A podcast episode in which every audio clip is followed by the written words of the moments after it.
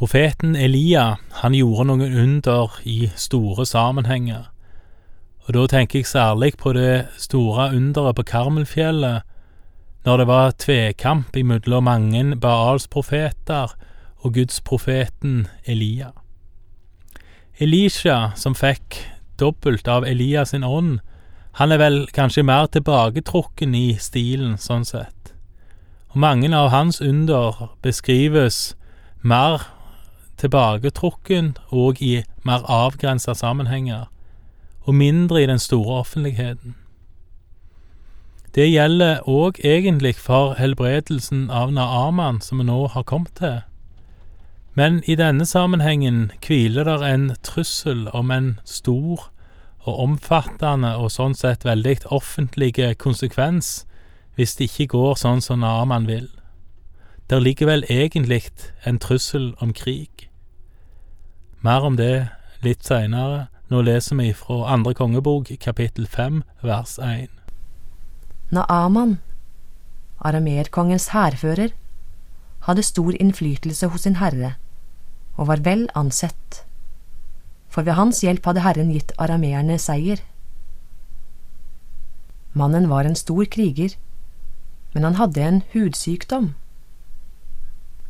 På et herjetokt hadde armeerne en gang ført bort en ung jente fra Israel som fange. Nå tjente hun hos Namans kone. En dag sa jenta til sin matmor. Om bare husbonden min kunne komme til profeten som bor i Samaria, skulle nok han fri ham fra hudsykdommen. Naaman gikk til sin herre og fortalte ham hva jenta fra Israel hadde sagt. Da sa arameerkongen, Dra du, jeg vil sende med deg et brev til kongen i Israel. Så dro han og tok med seg ti talenter sølv, 6000 sjekel gull og ti festdrakter. Naaman var en mektig kar. Han var arameerkongens hærfører, eller øverste general, om en vil. Via ei jente som nok var tatt som krigsbytte mot sin vilje, har han fått en person som kjente til Gud, og som kjente til Guds profet Elisha, ganske tett innpå. Igjen så ser en at det er noe svært negativt, at uh, jenta er blitt bortført, det blir brukt til noe positivt, at hun får vitne om Gud.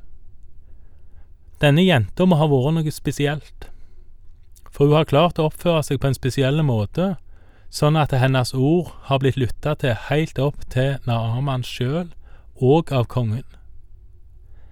Dette minner meg om Daniel, som òg ble bortført som ung, men likevel klarte å leve på en måte som ble lagt merke til.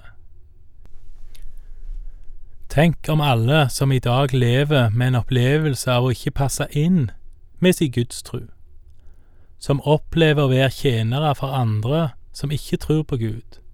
Tenk om alle de, eller alle vi, tenk om alle vi kunne vitne med våre liv på en måte sånn som denne jenta må ha gjort. Naaman, han reiser med brev fra kongen og store rikdommer til kongen i Israel. Vi leser videre fra vers seks. Naaman leverte brevet til kongen i Israel. Der sto Når du mottar dette brevet, vil du si at jeg har sendt min tjenerne Aman til deg, for at du skal fri ham fra den hudsykdommen han lider av.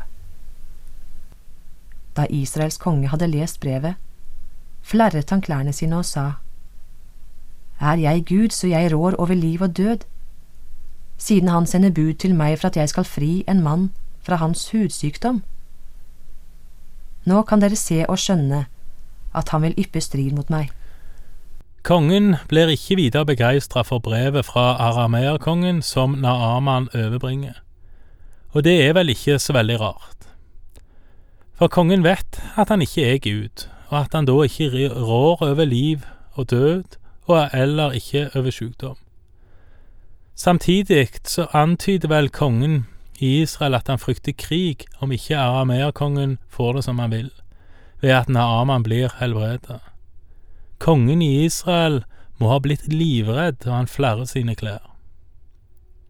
Elisha han tar det hele mer med ro, og vi leser videre fra vers åtte. Men da gudsmannen Elisha fikk høre at kongen hadde flerret klærne sine, sendte han bud til ham og sa, Hvorfor har du flerret klærne dine? La mannen komme til meg, så skal han få kjenne at det er en profet i Israel. Forskjellen på kongen i Israel og Elisha kan noe sett på spissen uttrykkes med at kongen i Israel var den øverste lederen. Det var ingen etter han, i alle fall ikke når han ikke gikk på Herrens vei. Kunne ikke han levere noe, så fikk han bare ta konsekvensene. Elisha derimot var ikke på toppen. Han var, holdt på å si, bare budbringer for Gud. Og det var derfor mindre grunn for at Elisha skulle ta på vei, for han var ikke Gud, men han var i kontakt med Gud og kunne dermed sende det videre. Han var budbringer til og fra den som rår over liv og død. Kanskje derfor Elisha kunne ta det litt mer med ro. Vi leser videre fra vers 9. Så kom da Naaman med hester og vogner og stanset ved døren til Elishas hus. Elisha sendte et bud ut til ham og sa, Gå og vask deg sju ganger i Jordan. Så skal kroppen din bli frisk, og du blir ren. Da ble Naaman sint og dro bort. Han sa, Jeg trodde han selv ville komme ut til meg, stå fram og påkalle Herren sin Guds navn, føre hånden fram og tilbake over det syke stedet og fri meg fra sykdommen. Er ikke Abana og Parpar, elvene ved Damaskus, like gode som alle vassdragene i Israel? Kunne jeg ikke vaske meg i dem og bli ren? Så snudde han og dro bort i fullt sinne. At Elisha ikke engang gadd å gå ut sjøl, kan tolkes som et tegn på en vanvittig arroganse. Og jeg tror vel at det er sånn når Arman tolker det når han blir så sint. Hadde Elisha vært konge, eller Gud for den del, så hadde det vel vært en korrekt tolkning. Men Elisha han var ikke konge, han var ikke Gud, han var profet, eller en budbringer. Han var kun en mellommann. Det står ikke hvem det er, men det kan ha vært Gehazi som nevnes før og etter. Det betyr ingenting. For det som betyr noe, er at Elisha sendte en annen, med samme tittel egentlig som seg sjøl, en annen mellommann, en annen budbringer. Og det viser sånn sett noe av det jeg mener er et av hovedpoengene i både kapittel fire og kapittel fem i andre kongebok. At profeten og det profeten sa og gjorde, var viktig, men likevel kun synlige tegn på å være en mellommann. Det viktigste er hva Gud gjorde og sånn sett fikk Elisha vekk knytningen til sin person ved å sende en annen mellommann. Naaman blir ikke bare sint fordi at det er en undersått av profeten som blir sendt, men han blir òg sint fordi han skal gjøre noe for å bli frisk som han ikke hadde sett for seg. Hvor mange ganger har ikke vi sjøl lagt eksplisitte eller implisitte føringer for hvordan vi mener Gud skal svare oss på våre bønner. Og så blir vi sinte og så lei oss eller frustrerte når svaret ikke passer inn. Kanskje er vi litt sånn når Aman noen hver av oss. Vi leser videre fra vers 13.